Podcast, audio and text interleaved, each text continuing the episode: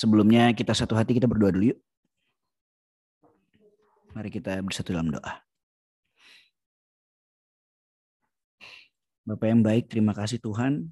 Terima kasih untuk setiap kebaikanmu, terima kasih untuk setiap anugerahmu, terima kasih untuk setiap sakit hati, terima kasih untuk setiap um, kebingungan, terima kasih untuk setiap hal yang kami nggak mengerti Tuhan hari ini, kemarin, atau bahkan ke depannya. Tapi kami percaya Tuhan dalam segala hal itu Tuhan ada di tengah-tengah kami. Tuhan ada bersama-sama dengan kami. Sebentar Tuhan kami mau merenungkan firman Tuhan. Biar engkau yang pimpin dan tuntun kami untuk bisa mengerti, untuk bisa belajar, untuk bisa melakukan dan terus merenungkan firman-Mu hari demi hari Tuhan. Terima kasih Bapak, ini kami, ini hati kami, ini pikiran kami, kami siap merenungkan firman-Mu. Amin. Shalom teman-teman. Hari ini kita mau ngebahas tentang crush, ya kan. Kalau kata Nando di video kemarin C R U S H ya do ya. yang artinya dihancurkan, yang artinya diremukan. Ya kan? Kemarin uh, bulan lalu kita bahas redup, bulan lalu kita ngebahas tentang uh, gimana pada apa masa-masa kehidupan kita kita pasti ngalamin keredupan mau percaya Tuhan ataupun nggak percaya Tuhan mau melayani Tuhan ataupun nggak melayani Tuhan kita pasti ngalamin hal di mana kita antara udah mau mati atau mau bertahan untuk terus menyala ya kan? Kita tahu kita di momen-momen itu kemarin kita belajar banyak hal tentang itu dan sekarang kita mau belajar bukan sekedar nyala, bukan sekedar beranjak dari keredupan kita, tapi kita mau belajar dihancurkan. Kita mau belajar uh, remuk. Kalau teman-teman lihat di flyer, tema kita hari ini tuh crash fresh. Maksudnya crash fresh adalah lo dihancurkan untuk disegarkan, lo dihancurkan untuk menemukan sesuatu yang baru pastinya dalam Tuhan. Pastinya dalam perjalanan kita bersama-sama dengan Tuhan dan keluarga Tuhan. Ya kan?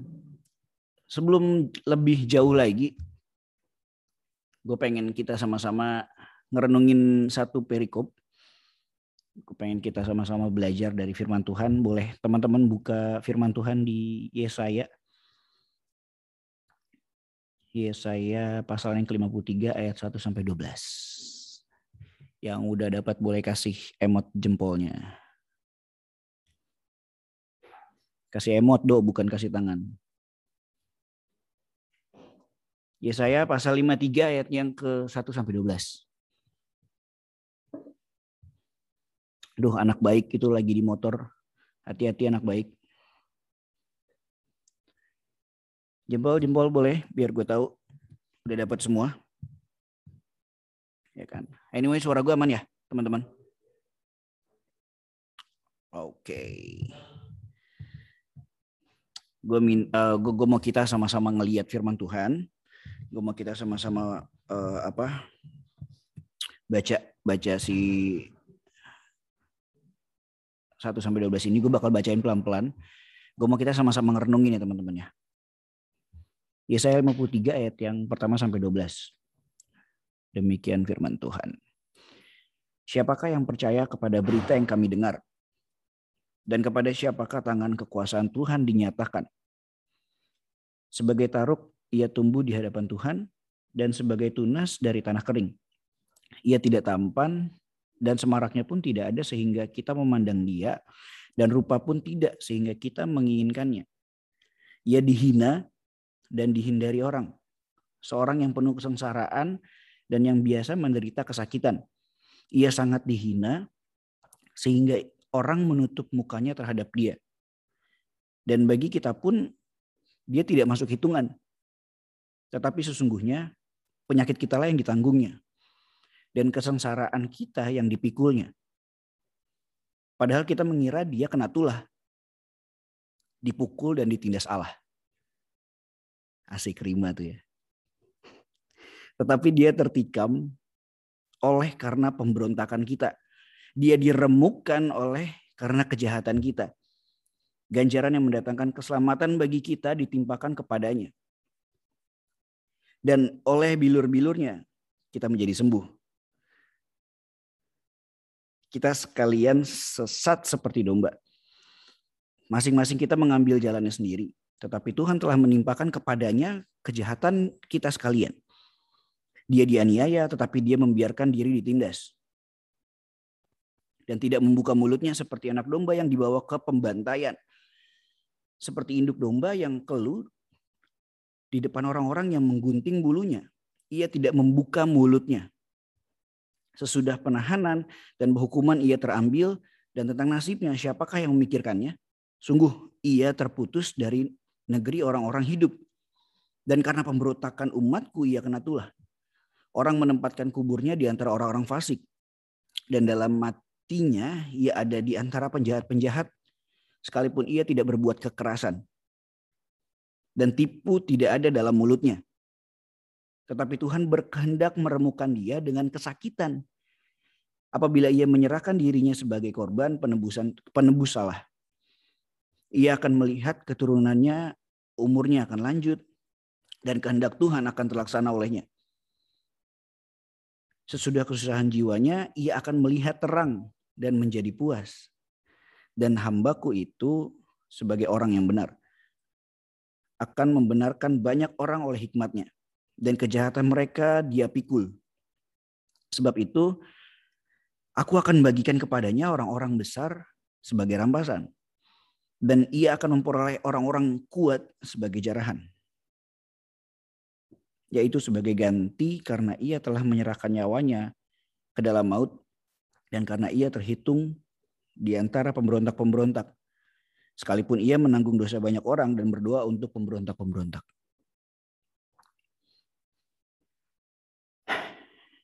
Teman-teman, uh, kitab Yesaya ini dia lagi ceritain, gue yakin teman-teman tahu lah. Yesaya ada di perjanjian lama jauh zamannya ketika Yesus ada gitu. Sebelum, jauh sebelum Tuhan Yesus ada. Jauh sebelum kita tahu atau umat manusia tahu di kayu salib ada yang mati untuk menyelamatkan. Ya saya udah menubuatkan bahwa akan ada orang yang hancur, akan ada orang yang remuk buat kita. Sebagai pembukaan bulan ini, kemarin gue denger satu quotes dari yang tadi Yons udah sebutin tuh dari Wira Nagara. Kalau katanya si Wira Nagara ya salah. Si Wira Nagara ini bilang November itu adalah no love to remember. Tapi anak-anak Tuhan, kita semua orang-orang percaya, mesti ngelihat dari sisi yang lain. November buat kita harus need love to remember. Kita harus butuh kasih kasih dalam tanda kutip untuk diingat. Kasih yang mana kita tahu, kasih yang siap hancur buat kita teman-teman. Kasih yang siap remuk buat kita semua. Mungkin November ini udah mau akhir tahun, pikiran kita udah ke mana-mana. Biasanya pikiran kita udah ke aduh hidup apa udah udah mikirin pencapaian selama tahun ini apa aja udah mikirin hidup selama setahun ini gimana walaupun dalam masa pandemi atau mungkin kita ngebandingin diri sama orang lain atau mungkin kita um, pokoknya banyak hal yang akhirnya bikin kita galau dan bingung. Akhirnya kita bilang no love to remember karena udah terlalu banyak tersakiti ya kan. Tapi yang perlu kita ingat satu teman-teman. We need love to remember. Kita butuh kasih, kita butuh mengingat kasihnya Kristus untuk selalu diingat. Kita butuh kasihnya Kristus untuk selalu diingat. Kita butuh kasih itu, bukan kasih yang sekedar cari keuntungan, tapi kasih yang siap hancur, siap buntung. Demi kita yang sebenarnya bukan apa-apa. Ya kan? Ayat ini tuh mau mau ngajarin kita, mau ngasih tahu, mau ngingetin kita bahwa ada satu sosok yang bahkan nih dari zaman di mana belum tahu itu udah dinubuatin, itu udah dipastikan bahwa akan ada sosok yang hancur yang akan diremukan supaya kita semua bisa menemukan Tuhan. Ya kan? Boleh kita sama-sama lihat di ayat 10-11 lagi. Gue pengen ajak kita ngerenungin firman ini sama-sama malam ini dan untuk sebulan ke depan teman-teman kita harus nemuin kenapa crush itu penting buat kita. Kenapa dihancurkan atau diremukan itu penting buat kita. Kenapa kita nggak sekedar harus nyala, nggak sekedar harus stabil, nggak sekedar kalau bulan sebelumnya kita bahas juga tentang joyful, nggak sekedar harus bersuka cita, tapi kita harus dihancurkan, harus siap hancur. Dan hari ini gue pengen ngingetin kita, firman Tuhan mau ngingetin kita bahwa kita harus mengingat kasih yang udah pernah hancur buat kita. Ayat 10-11 tadi, gue bacain lagi. Tetapi Tuhan berkehendak meremukan. Di sini nih ada kata crush teman-teman. Tuhan berkehendak meremukan dia dengan kesakitan. Jadi bukan sekedar hancur berkeping-keping, tapi dihancurkan dengan kesakitan. Apabila ia menyerahkan dirinya sebagai korban penebus salah. Yang ia akan melihat keturunannya umurnya akan lanjut dan kehendak Tuhan akan terlaksana olehnya. Penebus salah bukan kesalahannya teman-teman, tapi kesalahan kita semua. Yang perlu kita renungin di sini itu. Kesalahan gue hari ini, kemarin, dan mungkin ke depannya selama gue fokus sama Tuhan, selama gue mengingat kasih Tuhan yang hancur, gue tahu nih, gue ada dalam masa kesadaran bahwa gue ada dalam tracknya Tuhan. Dan gue need love to remember gue butuh mengingat kasihnya Tuhan yang pernah hancur buat gue. Ya kan? Tapi tema kita hari ini crush fresh. Setelah dihancurkan kita akan mendapatkan kesegaran. Kenapa bisa segar? Kenapa bisa dinikmati? Ayat 11 di sini bilang, sesudah kesusahan jiwanya, ia akan melihat terang dan menjadi puas. Dan hambaku itu sebagai orang yang benar akan membenarkan banyak orang oleh hikmatnya dan kejahatan mereka dia pikul. So, teman-teman, kalau hari-hari ini kita dibuat galau sama keadaan yang menghancurkan kita, mungkin sekarang lu lagi keinget apa ya uh, hal yang sampai detik ini bikin gua kacau, bikin gua galau, bikin gua mungkin nggak stabil dalam kehidupan, mungkin sakit penyakit, mungkin keadaan keluarga, mungkin keadaan keuangan, mungkin keadaan mental. Mungkin itu bisa bisa bikin kita hancur, bisa bikin kita galau. Tapi ingat sekali lagi kita butuh mengingat kasih Tuhan yang sudah hancur buat kita duluan. Keadaan Tuhan hancur, keadaan Tuhan diremukkan lewat segala kesalahan kita yang dia tanggung itu mau ngasih tahu mau ngingetin kita hari ini besok dan kemarin bahwa nggak ada kasih nggak ada cinta yang bisa memulihkan kita nggak ada cinta yang bisa um, nggak ada hal yang bisa menghancurkan kita karena dia udah lebih hancur dia udah hancur lebih dulu gitu ya kan? Satu-satunya solusi dalam masa kehancuran kita yaitu ingat kasihnya dia. Dan mengingat kasih bukan sekedar mengingat, oh iya ya ada Tuhan yang peluk gua. Oh iya ya ada Tuhan yang mau sayang gua. Ada Tuhan yang mau terima gua apa adanya. Enggak. Ingat kasih Tuhan berarti ingat peristiwa salibnya. Ingat kasih Tuhan berarti ingat kematiannya. Ingat kasih Tuhan berarti ingat di mana dia benar-benar nggak ada bentuknya lagi buat kita gitu. nggak ada bentuknya lagi di mata dunia sehancur itu sampai kita perlu menyadari perlu merenungkan setiap waktu karena nggak ada yang bisa ngancurin kita lagi. Teman-teman dia hancur supaya kita bisa bangkit. Dia hancur supaya kita dipulihkan. Dia hancur supaya kita diperbaiki. Kita perlu ingat mengingat kasihnya yang hancur buat kita. Mengingat Kristus yang hancur buat kita. Dan kita perlu ingat, setelah hancur, will be fresh. Kita akan menjadi segar. Kenapa? Karena ayat 11 juga tadi bilang, sesudah kesusahan jiwanya, segala sesuatu nih teman-teman ketika kita mengalami kegalauan, kekacauan dalam hari-hari kita, Ketika kita mengingat kasihnya dia yang hancur dan menyatu sama kasihnya, menyatu sama kehancurannya ya, menyatu sama kasihnya berarti menyatu sama kehancurannya juga. Menyatu sama kasihnya berarti menyatu sama kesakitan yang dialamin juga. Dan kita perlu ingat setelah kita hancur dan sakit, sesudah kesusahan jiwanya, ia akan melihat terang. So teman-teman yang perlu kita percaya, gue nggak bilang perlu kita sugesti ke dalam diri kita ya. Percaya, ngomongin percaya berarti berserah bukan mensuges setiap hari oke okay, gue gue gue gue ingat janji Tuhan gue gue tahu Tuhan akan menyelamatkan menyembuhkan segala macam bukan percaya berarti berserah penuh percaya berarti menyerahkan kehidupan percaya berarti membiarkan memberikan diri untuk dituntun oleh Tuhan walaupun terseret-seret walaupun terseok-seok walaupun tercabik-cabik itu berserah tuh di situ teman-teman lu lihat kematian Kristus dia bilang sama Bapak, jadilah kehendakmu.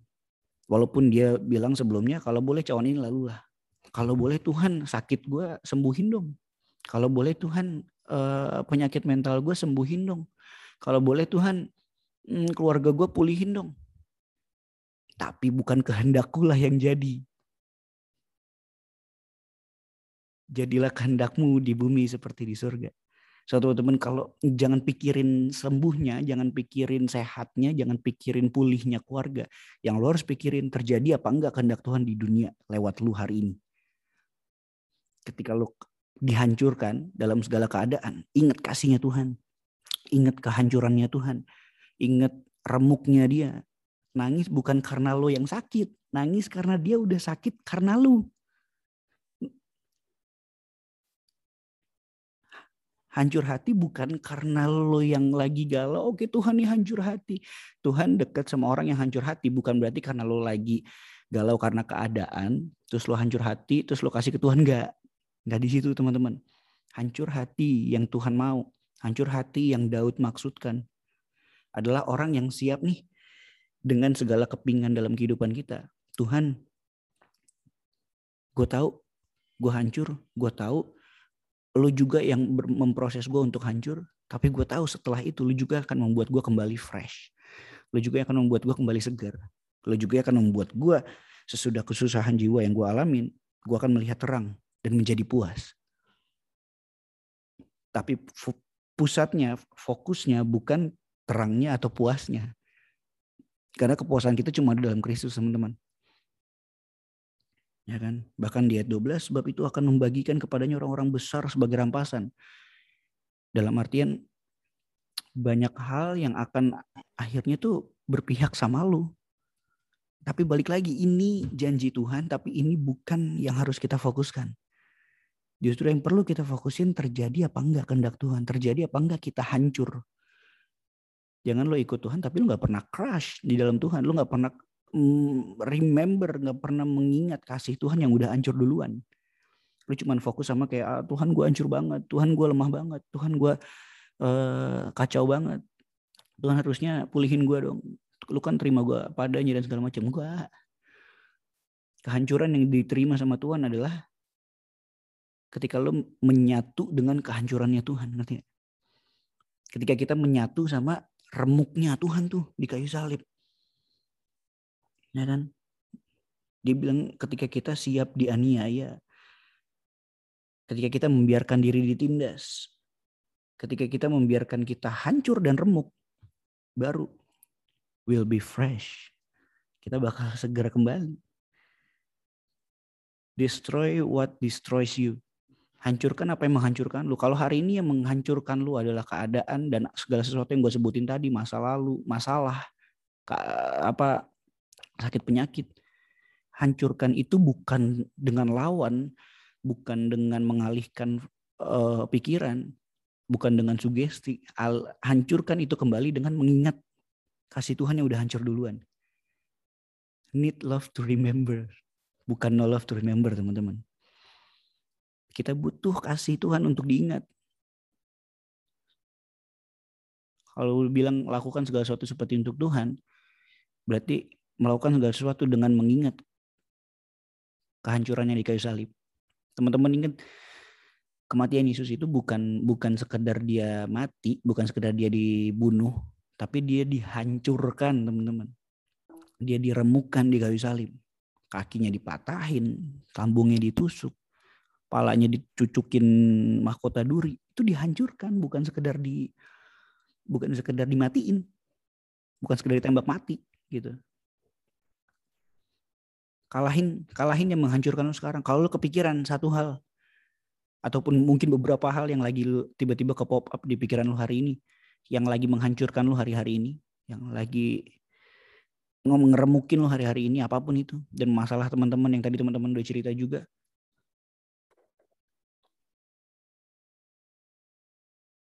Ingat kalau ada kasih yang udah duluan hancur buat kita.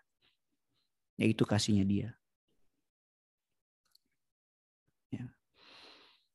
Teman-teman buah kayak, kita lihat di flyer ada gambar si buah lemon itu yang diremukin pakai tangan terus keluar uh, cairannya keluar isinya dan bisa dinikmatin yang mau gue ambil di sini adalah ketika lu diremukkan lu bisa dinikmatin banyak orang. Ketika lu dihancurkan dan lu berserah penuh sama Tuhan ya, bukan sekedar dihancurkan, tapi lu tahu lu mengingat kasihnya Tuhan, lu kembali, lu menyadari bahwa di November ini lu need love to remember, lu ingat kasih yang adalah kasihnya Tuhan, dari situ lu bisa dinikmatin banyak orang. Bahkan bukan sekedar banyak orang, lu dinikmati diri lu. Kadang-kadang kita nggak bisa nikmatin diri kita sendiri teman-teman. Kenapa? Karena kita berfokus cuman nyenengin diri, kita fokusnya membuat diri kita puas. Tapi kita nggak pernah bisa nikmatin karena kenikmatan dalam maksudnya cara menikmati paling tepat diri kita adalah kita menikmati Tuhan dan Tuhan menikmati kita.